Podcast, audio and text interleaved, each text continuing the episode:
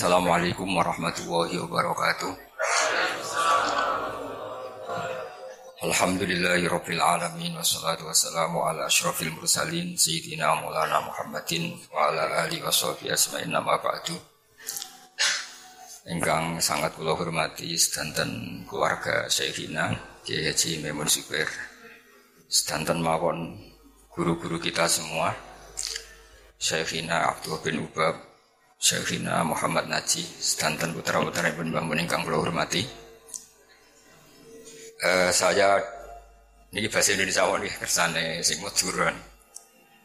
Uh, saya itu lama sekali nulis tentang al-intisor lima dahibisya. Uh, memang saya tidak niat saya kitabkan atau saya bukukan. Tapi lama sekali kita semua tentu mendengar khas-khas madhab Syekhina yang mungkin secara mainstream ya, secara lazimnya para kiai itu kurang dicocoki. Tapi saya pastikan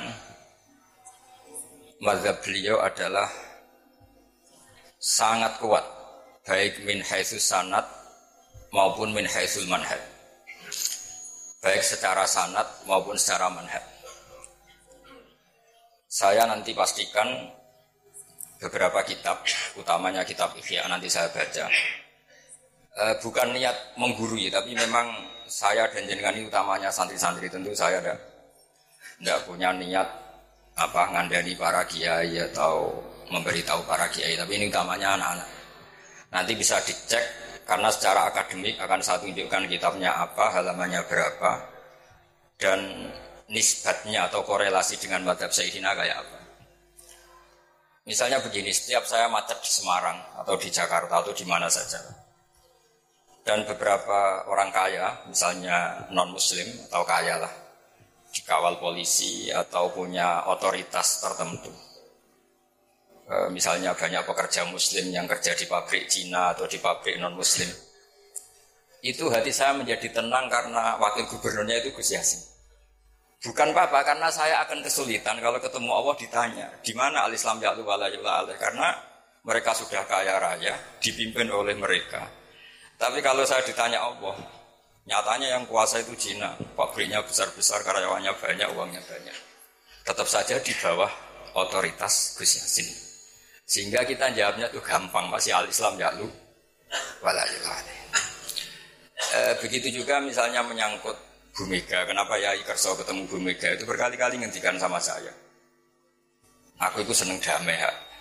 Nah Indonesia perang sing kedusan ya aku. Wis disalamno wong wis tak betah-betah. Sementing Indonesia damai, ora ana safku dima, ora ana darah mengah mengalir. Tentu kita tahu dalam kaidah Darul Mafasid muqaddamun ala jalbil masoleh. Jadi saya pastikan madhabus ini selain punya sanat yang kawi, juga punya manhat yang kawi. Ini penting saya utarakan meskipun anak-anak Anwar tentu banyak yang sebelum di sini mungkin mondok di beberapa pondok yang mungkin sebagian kiainya punya madhab yang beda dengan madhab guru kita. Memang mulai dulu istilah fula'imah rohmah itu nggak masalah. Tapi jangan sampai kemudian kita yang mulazamah di sini tidak tahu hujah madhab guru kita. Maka saya berharap sekali dan senang sekali ketika Kiai Haji Muhammad Naji suka nulis dan saya sering baca tulisannya. Gus Yofur juga suka nulis, Gus Kamil juga jabat ketua DPRD Rembang. Karena kalau misalnya kita-kita ini tidak jabat, kemudian ditanya, kita-kita misalnya santri tahta syaukatil kafir atau tahta syaukatil fasek, juga kita kesulitan menjawab. Setidaknya kalau kita tahta syaukatis soleh, kita ketemu Allah itu masih bisa menjawab al-Islam ya lu, walaya.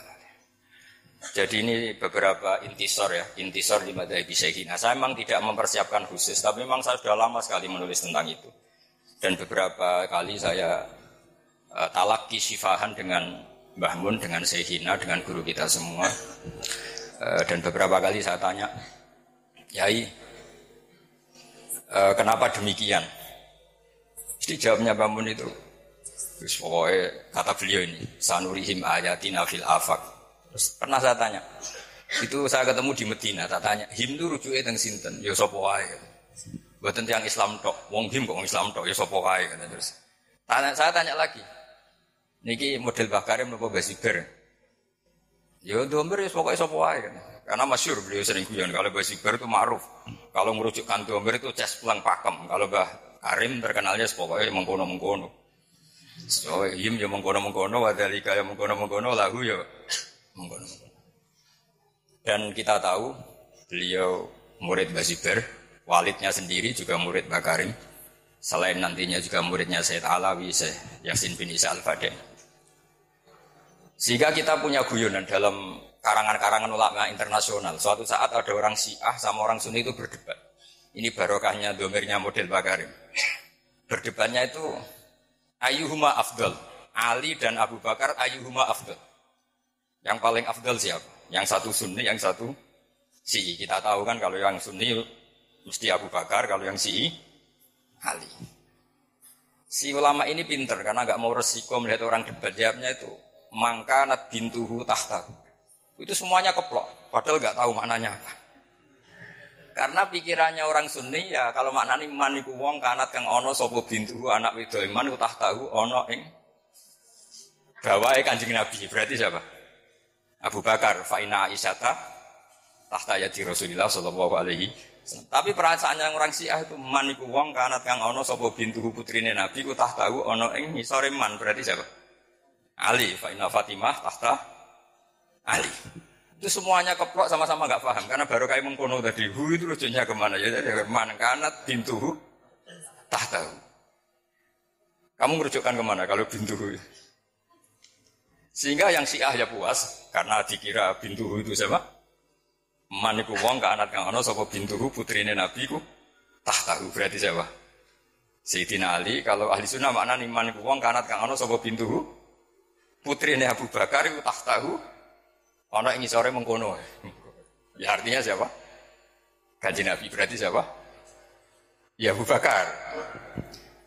Jadi ini penting sekali. Jadi saya membela mazhab mazhabnya guru kita Mbah Mun itu bukan karena sekedar kita muridnya atau ingin menyenangkan beliau itu enggak. Tapi satu tasdek sing al wahabi yang kita siap ketemu Allah dengan mazhab itu. Kita tentu tidak siap kan misalnya ditanya Allah kayak apa hegemoni Cina, hegemoni orang-orang fasik menguasai sekian perdagangan apa-apa. Dan itu bisa membeli jabatan, membeli pejabat. Kemudian kita tidak punya kiat supaya mereka itu tahtana, supaya mereka itu tahta syaukatina Loh saya ada politik, saya ada, saya ada DPR, justru itu saya fair, hanya membela secara el, ilmu. Kalau saya Ma'ruf Amin mungkin Pak Dum wakil presiden gitu. Saya ini tidak Ma'ruf Amin. Saya benar-benar teman sama yang yang nggak jelas ini. Gitu.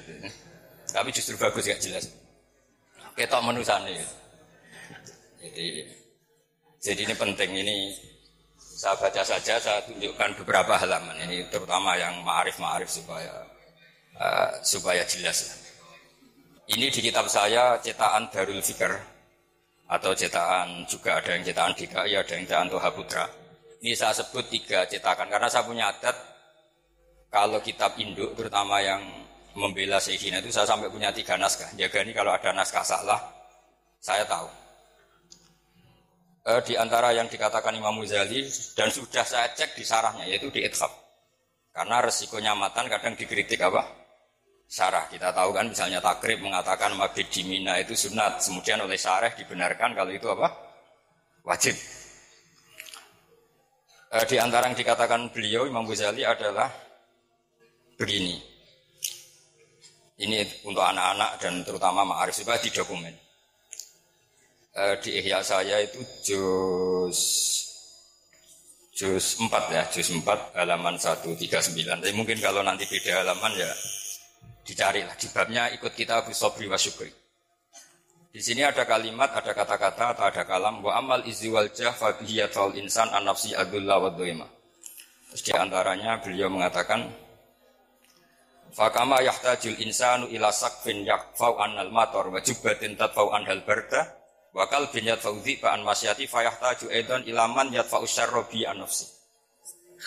Terus dalam sebuah naskah dikatakan kalau kezaliman saja punya satu backing dari aparat oknum tentu ya. Masa kesalahan tidak punya backing dari negara? Akhirnya nanti kita bingung. Yang orang-orang maksiat punya backing, oknum misalnya. Yang orang soleh tidak punya backing. Sehingga pertunjukan maksiat semudah itu muncul ketika mau ada pengajian. Susah karena kita dengan waliul amri berhadap hadap. Tapi barokahnya Mbah Mun, barokahnya banyak ulama, kita punya adat nggak berhadapan-hadapan dengan waliul amri, sehingga kita mudah mengadakan pengajian, bahkan di semua departemen ada masjid, di lembaga-lembaga kampus besar juga ada masjid, di mana-mana ada masjid dan ada pengajian. Eh, ketika Rasulullah Shallallahu Alaihi Wasallam punya punya mitra politik, namanya Khuza'ah. Kabilah Khuza'ah itu tidak Islam, tapi jadi mitra politiknya Rasulullah. Karena mereka yang memberitahu tentang rahasia-rahasia kafir Mekah. Itu oleh Ibnu Hajar al Asqalani ketika cerita cerita itu. Cerita eh, saya ulang lagi bahwa yang dilakukan Syekhina itu bukan sekedar lahu manhajun sohi, tapi memang ada sanat yang koi. Karena kita selalu berprinsip tadi al-Islam ya'lu walayul dengan melihat Jakarta gaduh kayak gitu, melihat Semarang, orang-orang kaya non-muslim, orang-orang nggak sholat, punya kekuasaan karena kaya raya. Lalu ketika kita ditanya, sudahkah melakukan proyek atau program Al-Islam ya lu? Tentu kita kebingungan. Tapi kalau mereka tahta syaukatina, karena kita punya Gus Yasin, di Rembang punya Gus Kamil, itu enak. Begitu juga tentang publik. Barokahnya orang-orang soleh itu punya masa yang banyak saya ulang lagi, barokahnya orang-orang soleh punya umat yang banyak, punya masa yang banyak. Mereka itu memperhitungkan kita karena kita memperbanyak jumlah orang soleh. Coba kalau jumlah orang fasek, orang dolim itu mayoritas dan militan, kita akan kesulitan. Makanya Rasulullah itu mewanti-wanti, jangan sampai kalian semua atau siapa saja orang Islam itu man kathara sawada qaumin fahuwa minhu. Tapi barokahnya Habib Syekh misalnya kalau konser kayak gitu orang banyak, banyak kiai yang punya umat banyak. Wong fase kafe macam-macam yo mikir pemenang apa nyalon presiden, so takobal wa minamikum takobal ya garing mana Tapi kalau kita misalnya tadi ngajinya sufi tapi nggak mau ilmu, kiai para pejabat paling duit dok, boleh pengaruh, boleh syuhrat dok. Nah, itu resikonya sufi tambah ilmu. Itu mungkin yang sering jalan kecilkan bangun ada khusyuan, ada jalan. Itu sama harus hafal semua itu. Dan harus diapalin sampai mati itu wiridan apa? Zada khusyuan, zada jalan. Misalnya dalam konteks Palestina, Palestina itu tentu musuhnya Israel. Dan Israel itu punya kekuatan besar didukung Amerika. Kemudian Indonesia membela Palestina. Eh, membela Palestina kemudian diikuti oleh orang-orang Eropa. Dan non-Muslim, orang Eropa itu non-Muslim. Lalu pertanyaannya, apakah orang Palestina kemudian berarti mualah sama orang kafir? Karena orang Palestina harus mualah sama apa? Orang-orang apa? Eropa. Apa tidak? Saya pastikan khazanah ilmu cukup untuk menganalisis itu. Yaitu Rasulullah punya aibah, yaitu punya teman dekat, koalisi, khalif kalau dalam bahasa Arab. Itu orang Khuza. Dan itu tidak Islam. Tapi tidak pernah menyembunyikan makar atau tipu daya yang dilakukan kafir-kafir Mekah selalu mengupdate memberitakan itu ke Rasulullah Shallallahu Alaihi Wasallam. Padahal mereka tidak Islam. Logika yang terbangun gimana? Ya logika yang terbangun karena Rasulullah itu soleh, bahkan ya tentu super soleh, imamu solihin. Ini di kitab Ibnu Hajar al Asqalani eh, di Fathul Bari Juz 5. Beliau mengatakan kalau ada kasus seperti itu atau konteks seperti itu, Wala yu'adu dzalika min muwalatil kufar wala muwadatu adaillah bal min qabil istikhdamihim wa taqlili syaukati jam'ihim wa inka ibadihim bi ba'din. Jadi kalau orang Eropa kamu biarkan tidak koalisi dengan Palestina, artinya Israel malah absolut karena semua dunia dukung Israel. Tapi barokahnya orang Palestina, orang Indonesia koalisi sama Eropa, Israel tidak terlalu solid karena tidak ab absolut. Artinya begini dalam hukum kias. Betul ini saya intisor wisayhina. Kalau misalnya para pejabat itu hanya dikuasai orang fasik, semua kerjanya programnya membela mereka. Tapi kalau dekat Mbah Mun, dekat Kiai, setidaknya diarahkan mikir ngaji. Nganggep pondok tidak problem. Faham ya? Ini jelas ya. Terus saya mohon sekali, mungkin Anda punya guru yang dulu madhabnya beda dengan Syekhina. Tapi saya pastikan saya nulis ini lama sekali. Intisar di Syekhina, tulisan-tulisan saya tentang tentang beliau. Dan ini saya lihat di Ihya, di Ithaf. Jadi beliau begini itu bukan mubtadi, bukan hal yang baru. Memang tapi guru-gurunya seperti itu. Bahkan beliau sering cerita ke saya, Salahuddin al-Ayubi itu iso no pasukan salib. Itu baru kayak kitab Ihya. Baru kayak kitab apa? Ihya. Karena beliau mengkaji Ihya. E, pernah beliau tak tanya, apa Salahuddin al-Ayubi itu menangi Imam Ghazali? Kata beliau, Gue menangi ora. Pokoknya pinter ngono iku baru kayak iya kata gitu. Karena pernah tak hitung itu ya kayaknya ada menangi gitu. Karena saya pernah juga di Masjid Salahuddin apa? Al Ayubi itu yang ini saya saya baca terus ini yang yang masih di Ihya. Kemudian dibenarkan oleh Ithaf. Wa kadzalika ulama udini Ya ini saya baca lagi. Wa ala hadal kosti kanal ambiya alladzina la mulka lahum wala saltonata yurauna salatina wa yatlubuna indahum. Dulu para nabi itu ya jadi penasihat presiden. Karena kalau nabi nggak mau orang soleh nggak mau penasihatnya kalau PKI gimana? Kan jadi pusing kan. Wa kadzalika ulama uddin. Syaratnya la ala kosti tanah uli min khazainihim wal istiqsar. Di dunia bimutakan. Tentu kita yakin guru kita tidak akan seperti itu. Terus ini Imam Ghazali menutup Wala tazunnanna anna ni'matallahi ala Rasulillah haitsu nasarahu wa akmala dinahu wa adzarahu ala jami'i adaihi wa makkana fil qulub hubbahu hatta tasa'a bi izzihi wajahu kanat aqalla min ni'matihi alaihi haitsu kana yu'da wa yudrab hatta faqara ilal harab wal hijrah. Artinya ketika Nabi punya otoritas penuh menguasai Mekah dan Madinah karena beliau orang soleh, jadinya aturan-aturan kesolehan, yaitu Ka'bah harus begini, nggak boleh ada lagi orang pelanja, nggak boleh ada berhala. Kalau kiai-kiai itu menguasai negara, paling-paling ujung-ujungnya ya bikin Mahat Ali. Terus santri-santri dipikir negara. Kalau ada teroris juga agak lagi ada intel ke pondok, pondok-pondok. Karena santri pasti NKRI harga apa? Mati. Itu semuanya itu barokah. Ini penting saya utarakan terus kata sarehnya litam syati umurihim adiniyah. Ketika Imam Ghazali bilang ulama udin oleh kitab Ithaf saya ini dikatakan salafan wa kholafan. Jadi ini bukti kalau teori itu tidak pernah masuk. Karena beliau bilang salafan wa kholafan. Ini penting saya utarakan karena kita punya logika yang dua. Misalnya begini. Kalau berteman orang fasik itu kan taksiru sawadil fusak, memperbanyak jumlahnya orang fasik. Tapi kalau yang fasik ini pejabat, kemudian orang soleh nggak mau nemanin itu berarti taraktum ummata Muhammadin sallallahu alaihi wasallam fi aidil mubtadi'ah. Ya kalau mubtadi'ah, kalau mudillah, kalau mukafir. Misalnya Anda membiarkan negara dikelola orang-orang fasik, kemudian punya ide bahwa pondok itu kriminal. Bahwa pondok itu teror, teroris mereka yang bikin pelaturan, mereka yang punya otoritas kita habis. Ini barokahnya istiannya Yai Kerso dekat Mega, terus Gus Roji cucunya DPR RI, Gus Kamil ketua DPR. Tapi Yai tentu selalu menjaga khazanah ilmu. Saya itu menyaksikan betul betapa bangganya beliau dengan Gus Naji. Ketika beliau ngarang Asyadaratul Lama, sering saya disuruh baca. Apa itu karangan Mbak Fadl Kawaki Lama. Terus kata beliau, aku itu kiai tenan. Nah kok buktinya anak-anakku alim. Terus lama-lama jadi beliau itu mewakili minal janibin. Jadi yang yang negara ya diurus, khasnya pesantren juga apa?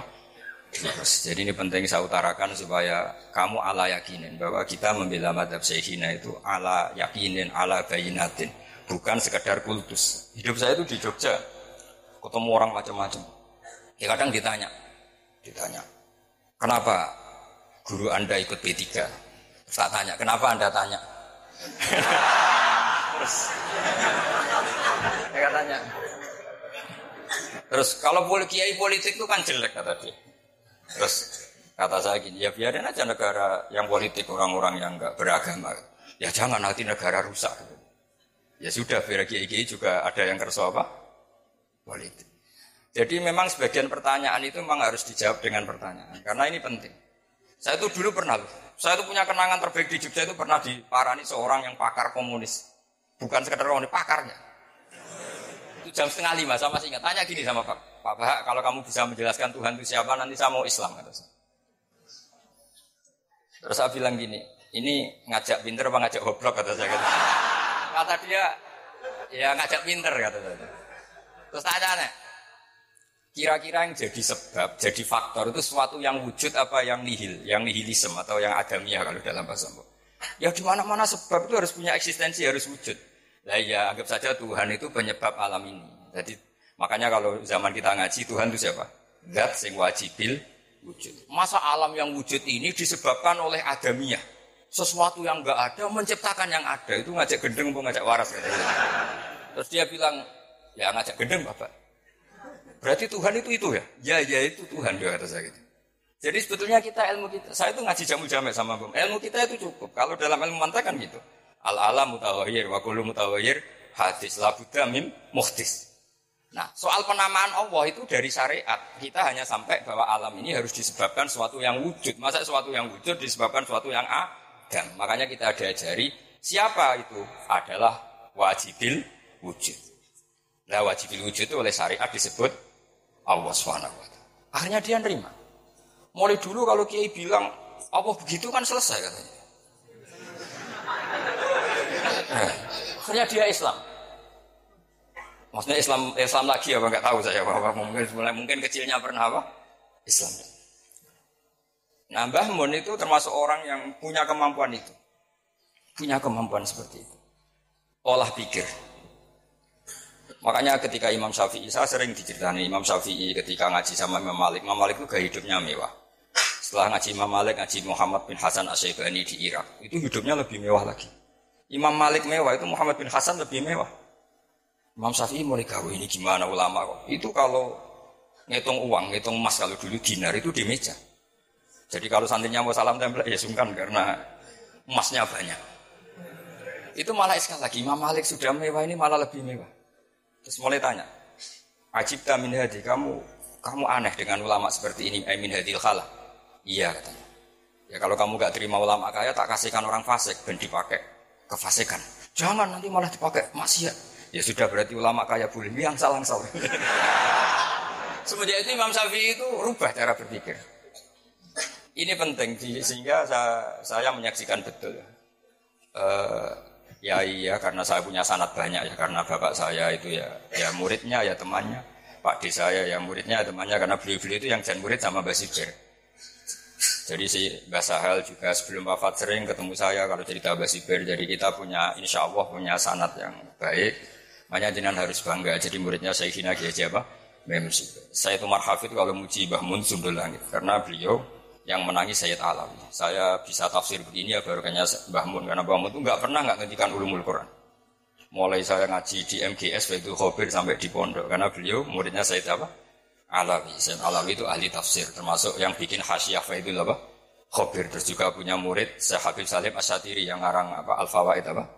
Asyatiri atau An Nafahat Al Haramiyah itu kelihatan sekali betapa ilmu tafsir itu dekat sekali dengan Sayyid Alawi. Dan kita punya sanat Ali karena setelah bangun langsung Said siapa? Said Alam. Makanya saya jenengan semua harus ikut bersyukur. Tapi saya mohon mencintai dia itu yang benar-benar karena bayina. Kul ini ala bayina timir robbi sehingga semuanya ini umatnya Rasulullah. Sehingga Mbak Mun mau ngurusi orang yang macam-macam. Jangan kamu mengklasifikasi orang gitu kok diurusi, orang itu kok diurusi itu makom sampai mungkin kalau air tidak dua kolah kena najis ikut apa? makamnya Mbah Mun sudah lautan. Kenapa apa saja sudah ada najis kira-kira gitu. Ya, ya kira-kira gitu. Assalamualaikum warahmatullahi wabarakatuh.